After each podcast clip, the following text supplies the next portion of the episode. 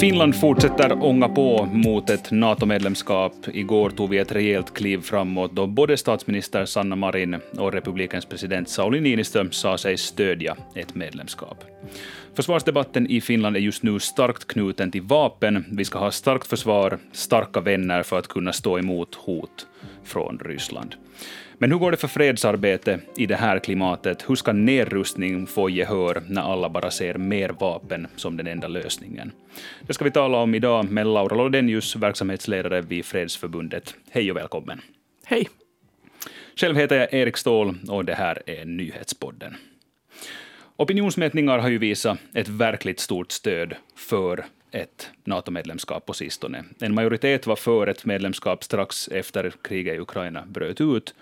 Och efter det har mätning efter mätning visat ett bredare stöd, nu senast 76 procent i Yles mätning. Hur ser du på de här resultaten?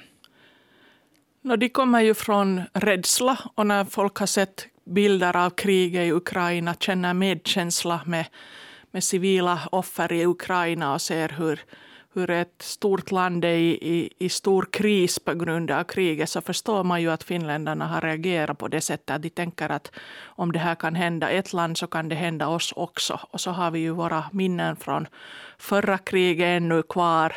Eh, eh, det är bara ett par generationer sen, sen som, som folk liksom har de här krigsminnena. Så jag förstår att folk har agerat. Men sen kanske lite känns det så där när man sysslar med fredspolitik, har följt konflikter i en 20-30 år, att, äh, att man ändå kanske lite förhastar sig med att tänka att att för att jag menar, Finlands NATO-medlemskap hjälper ju inte till exempel Ukraina nu på något sätt, utan det är bara en lösning som så är menad för att säkra då Finland. Och så samtidigt så hör vi av våra militärexperter att det egentligen inte finns någon tecken på att risken för att Finland skulle hamna i krig separat med Ryssland skulle nu liksom ha vuxit. Att det har inte ännu flyttats någon trupper närmare vår gräns, kanske mera tvärtom. Uh, Ryssland har inte egentligen retoriskt uh, på något sätt visat hemskt stort liksom, aggression eller, eller det har funnits en sån allmän allmänt liksom världspolitiskt att, att de är missnöjda och sura och inte får sin vilja igenom så som de hade tänkt. Men det är inte någonting som egentligen skulle tyda på att Finland skulle vara just nu i en akut militär hot. Och ändå är det det som gör att Finlands befolkning tänker att nu behöver vi mera vapen och, och upprustning. Så jag tror att här kanske man har agerat lite känslomässigt och lite snabbt i en akut situation och själv skulle jag kanske ha tagit lite tidsfrist här och, och ta, tänkt på den här långa linjen Finland har haft och vi har ändå ända sedan förra kriget på 40-talet så har vi byggt upp en, en liksom bestående fred här på vår, vår gräns. Mm. I upptakten till kriget i, i Ukraina försökte ju flera länder febrilt förhindra kriget genom diplomati och medling. Men det misslyckades och nu står Västeuropa och Ryssland med gevär mot varandra. Tror du Västeuropa och Ryssland kan hitta varandra igen i samtal? Har diplomatin en chans? No, man måste ju se, förr eller senare hitta, jag menar det är ohållbart. Vi vet från, från det föregående kalla krigets tid att, att den här upprustningsspiralen blev till slut så hemskt dyr och tog upp så mycket av all liksom resurs och energi från alla stater att man inte kunde leva med det längre. Så att, så att de facto så förr eller senare måste vi hitta någon sorts tillbaka till förhandlingsbordet och dialog. Det som var problemet som vi ser nu är ju jättesorgligt att ingen talar egentligen om fredsförmedlande i Ukraina. Utan vi bara ser nyheter om, om, om strider men vi hör inte att någon skulle ens bakom kulisserna hjälpa till med att försöka förmedla eller få parterna till någon sorts diskussion. Och det är ju nog jätte, jätteledsamt för civilsamhället och alla de som måste äh, liksom bli äh, hamna utför det här kriget och som dör eller blir lemlästade eller annat. Att, att varje offer borde man ju försöka spara. Eh, hur tror du vi skulle kunna hitta tillbaka till diplomati? No, nu hade vi ju tänkt äh, säkert i fredsrörelsen lite idealistiskt att, att till exempel sådana länder som Sverige och Finland skulle ha kunnat stå med sådana tjänster eftersom vi har haft en ambition på att vara fredsmedlare, att skulle vi kunna ha kunnat säga att vi till exempel skulle kunna på något sätt stödja en process äh, om diskussioner och medling. Uh, nu tycker jag i den här processen när vi är mm, i förberedelse att bli nya medlemmar i Nato som nu trots allt uh, Ryssland äh, tydligen ogillar så mycket så, så tror jag att vi kanske nog inte har just nu den positionen att vi skulle stå där med handen uppe och säga att vi kan vara förmedlare. Men att hoppas att någon försöker. Vi har ju sett att Turkiet har haft lite sådana ambitioner och, och, och det finns nog vissa andra, vissa andra som har nu tänkt att, att det där att så i sådana här frågor tänker jag att vem som helst som bara har någon, någon det där korridor att erbjuda så det skulle vara Mm. Turkiet som är en NATO-medlem ska vi tillägga. Det är sant, också. ja. Men att det är ju klart att de här gamla NATO-medlemmarna, kanske deras, liksom, det, det, är inte så akut sår ändå för, för, för Ryssland. att skicka vapen till Ukraina har varit en känslig fråga och i Sverige har det skapat mycket friktion inom fredsrörelsen och, och Vänsterpartiet. Hur är tongångarna i den finländska fredsrörelsen om vapenleveranser till Ukraina? No, eh, jag måste säga att, att det där, jag tror att, att Fredsförbundet är hemskt, alltså, hemskt mycket liknar den svenska stora freds, svenska fredsorganisationen Svenska freds och skiljedomsförening och, och som har tagit mycket strikt ställning att ingen vapenexport är liksom OK och försökt förklara den här bakgrunden till helheten. Uh, jag tror uh, vi har varit av den åsikten men vi har inte riktigt orkat ta den kampen utan vi har gett lite upp och tänkt att, no, att kanske man i den här situationen måste liksom acceptera vissa realpolitiska Äh, lösningar, så vi har inte haft så mycket oväsen om den här. Det har också med att göra att, att svensk vapenexport ju är mycket större, större än finländsk vapenexport mm. och de facto har det inte funnits så hemskt mycket som Finland skulle ha kunnat äh, föra just nu till Ukraina. Det där, mm, så att det har varit en kanske mera pragmatisk linje vi har haft i Finland i den här frågan. Eh, det som jag har försökt och vi har jobbat med har varit det att, att vi tycker att EU och väst då borde ha på ett helt klarare sätt ha en plan för hur, vad man sen gör med de här vapnen efter konflikten tar slut.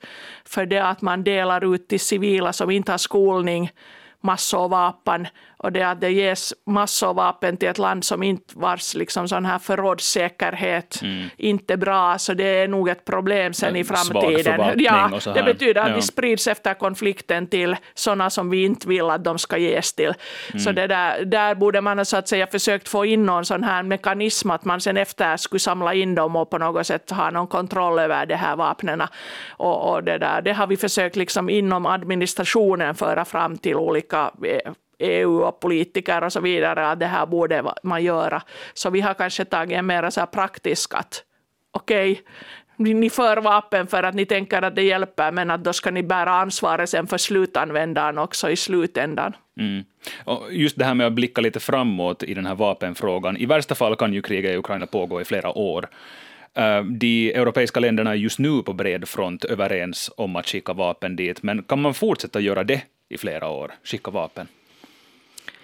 No, nu kan man ju i princip, eh, men, men nu blir det ju snabbt. Nu för tiden är det så att, att människorna, befolkningen, har en hemskt kort tidspänn när de är intresserade över någonting. Syrienkriget orkar intressera ett par månader, Afghanistan kanske ett par veckor.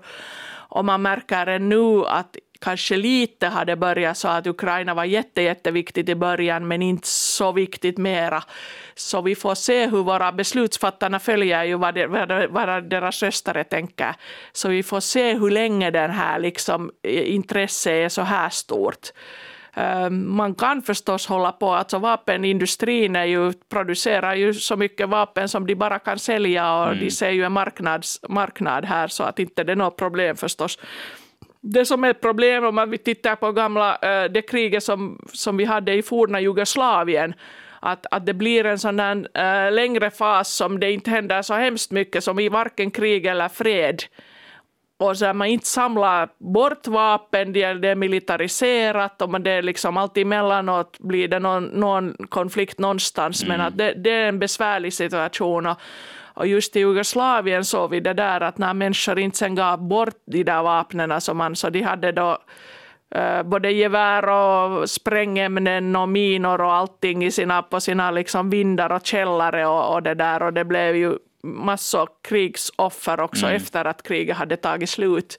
Så, så sånt det skulle vi ju inte vilja till, till Ukraina, eller det, det, nu talar vi om att, att man har satt så mycket sådana minor och, och klusterbombs, eh, sprängämnen har blivit kvar, att när vi vet att Ukraina ska egentligen vara ett odlingsland där det odlas eh, stora delar av mat också för övriga Europa, så, så den där situationen där man inte kanske kan gå och odla på fälten i Ukraina, inte ens efter att det har blivit någon sorts vapenstillestånd, så är ju ett stort problem. Mm. Um, hur ser du på frågan om att skicka vapen till Ukraina, speciellt från då länder som Finland och Sverige som säger sig vara fredsivrande? och, och gillar att agera medlare och så här eftersträvar det? No, jag tycker det är varje fredsaktivist och fredsorganisations liksom primära uppgift är alltid att försöka få det egna landet att på något sätt agera rätt och, och ha goda principer.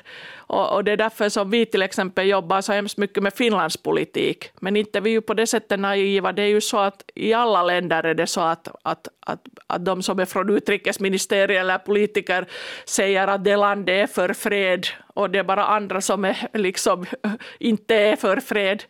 Så, så där vi har alla våra problem och inte har Finland och Sverige varit på något sätt speciellt exemplariska fast vi alltid liksom låter påskina utan nu måste vi ju fredsrörelsen vara ganska noggranna med att hela tiden vakta att vart det förs vapen, hurdan politik stöds, vart vi sätter våra budgetpengar på hurdan sorts freds Uh, ger vi tillräckligt för biståndssamarbete och så vidare. Att, att det är ju lite retoriskt emellanåt. Och där är ju förstås Sverige och Finland lite olika. Att kanske Sverige ännu mer har haft en sån här identitet som fredsbyggare. Finland har varit kanske lite mer modest i det här och sagt att vi gör lite fredsmedling och sådär. Men vi har nog inte haft någon feministisk utrikespolitik till exempel som mm. Sverige. Mm, precis. Eh, no, nu dessutom med det här kriget, eh, heta kriget i Ukraina, hur, hur ser du att man kunde vända trenden från upprustning till nedrustning? No, det är nog något som en fredsaktivist förstås gör lite be bekymrad, att jag tror att det kommer att ta sin tid. Att jag tror att, att det, där, det finns det här uttrycket på engelska att it's gonna be worst before it's going to be better. Det, eller att, att folk måste på något sätt verkligen se vad som det leder till att man har mycket, jag menar de måste verkligen se att det finns inte sen pengar för annat och de måste på något sätt, att just nu så tror jag att folk kanske tänker och jag menar röstare och befolkning som svarar på olika enkäter så de tänker att man både kan sätta pengar på upprustning och, och vapen och sen dessutom leva fredligt och också satsa på annat och sen märker de inte att det är fråga om val men jag tror att, att det tar en tid att det här kommer att vara fakta för vill fredsrörelse det eller inte. Men så kommer det en punkt där människor på riktigt vill ändra och tycker att hej, klimatförändringen är så akut att vi måste sätta resurser på att sköta klimatförändringen. Mm. Eller att det är inte så att vissa vapenindustriföretag kan få hela tiden vinster och, och, växa till sig när andra går i konkurs och det inte finns mat. Mm. Så jag menar, jag tror att den här, men det tar en tid innan folk riktigt ser den här liksom resultatet av valen som man gör. Mm. Och just med nedrustningsarbete, vad kan det ha för följder för det här nedrustningsarbetet om Finland och Sverige går med i, i NATO? No, vi är ju jätte, jätte oroade för att äh, det finns alltså ett gammalt avtal som har liksom sett till att kärnvapen inte ska spridas till nya länder som heter icke-spridningsavtalet. Och det har en sån här stor äh, uppföljningskonferens som ska hållas i år. Och vi tror att på grund av att kärnvapenländerna inte har lyckats Eh, nedrusta utan tvärtom har de moderniserat sina vapen så kommer vi inte att lyckas hålla med det där gamla avtalet utan att nya länder vill ha kärnvapen. Så den där till exempel en jättestor risk i världen och det finns också andra sådana här eh, nedrustningsavtal. Man märker att länder är så nu intresserade bara med det här med upprustning och militär, att de inte är mer intresserade att förbinda sig till sådana här nedrustningsavtal. Och, och det, de går dit och har bara möten och pratar tomt men gör ingenting. Och det är det som vi är hemskt frustrerade och vi är rädda för det. Så det här att Finland och Sverige tänker att, att man skulle kunna både stödja nedrustningsarbete och sen ändå satsa på det här militära. Det är en vacker tanke. Jag hoppas vi kommer att försöka hålla det löftet, liksom hålla dem att hålla det löftet. Men, men vi har inte sett att NATO-länderna skulle till exempel vara hemskt aktiva till att försvara de här förs äh, nedrustningsavtalen. Att tvärtom, just kärnvapenförbudsavtalet har NATO varit riktigt aktivt att försöka undergräva och stoppa länder att bli medlemmar i det. Och så, att, så att där är jag hemskt oroad att den här kopplingen att, att NATO tror på kärnvapen gör att, att de tycker att alla NATO-länder ska vara hemskt förtjusta i kärnvapenhotet och det kan man ju inte som en människa göra. Mm.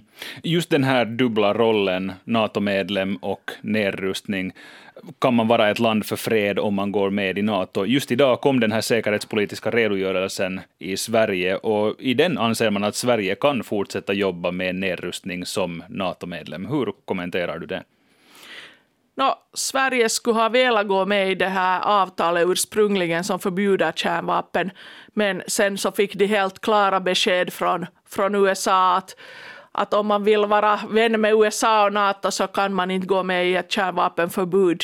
Och, det här, eh, och samma hade varit lite med Norge som egentligen var initiativtagare till den här processen att förbjuda kärnvapen och ändå så måste de då vara med, vara med utanför avtalet. Så att det är nog svårt att förena dem. Men det är klart att NATO-länderna, många, är för fred och för nedrustning. Inte det, och ingenting förbjuder i NATOs stadga att man inte skulle kunna gå med i fast alla nedrustningsavtal i världen. Det är bara den där logiken att när man tror på att mera vapen och icke-nedrustning är det som är lösningen så är det ju kanske lite så där eh, svårt sen att, att göra både och. Men, men i princip finns det ingenting som, som stoppar det. Men det är bara det att att man så där i gemenskapens anda ofta sen väntas följa USA som är den största och viktigaste kumpanen i NATO. Och, och de har ju inte alltid varit för nedrustning i världen. Tack för att du kom hit idag, Laura Laudenius. Tack. Du har lyssnat till nyhetspodden från Svenska Yle. Jag heter Erik Ståhl. Tekniken sköttes idag av Anne Heikkila och nyhetspodden produceras av Amil Lassila. Fortsätt lyssna på oss.